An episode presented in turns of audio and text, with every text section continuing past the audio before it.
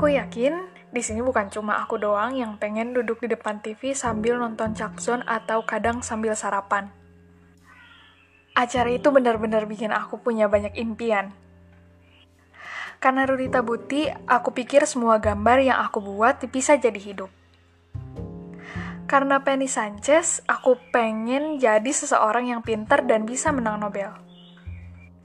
Karena Reggie Bolnard, aku belajar buat gak berniat jahat ke orang lain.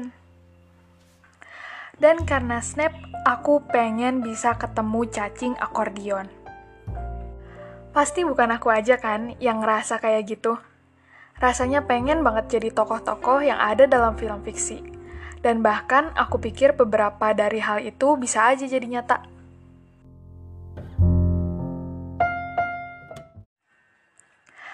Mungkin ini efek kelamaan gak ngobrol sama kamu dan sama orang lain. Ya, kurang lebih udah seminggu ini aku belum main sama sekali. Karena gak diizinin sama ayahku. Bukan tanpa sebab aku gak diizinin pergi, tapi karena aku belum bener-bener pulih dari sakit tipes yang akhirnya jadi demam berdarah. Kalau boleh jujur, aku masih kelayangan sih kalau harus banyak aktivitas. Tapi jiwa-jiwa bawelku ini meronta ketika harus gak ketemu sama kalian dalam waktu lama.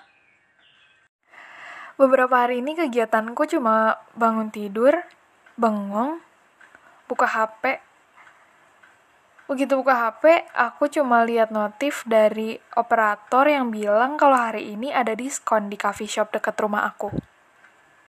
Abis itu beres-beres kamar, masak, mandi, ke kamar lagi, terus buka laptop, terus pusing.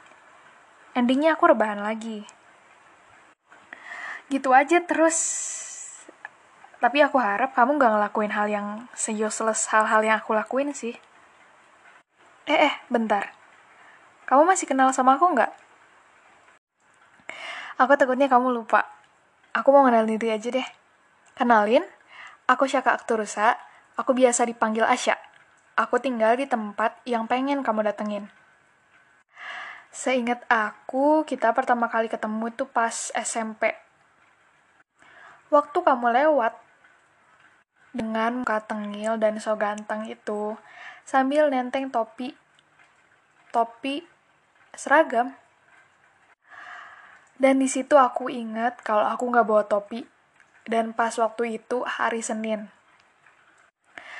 Dan endingnya aku dihukum pas upacara. Dipikir-pikir kenapa aku bisa kepo ya sama kamu. Bisa-bisanya aku mau kenal sama orang rese kayak kamu.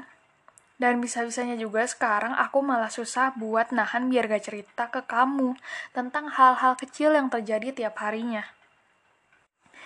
Hmm, BTW, yang rasain gini aku doang apa kamu juga sih? Tapi nggak apa-apa lah.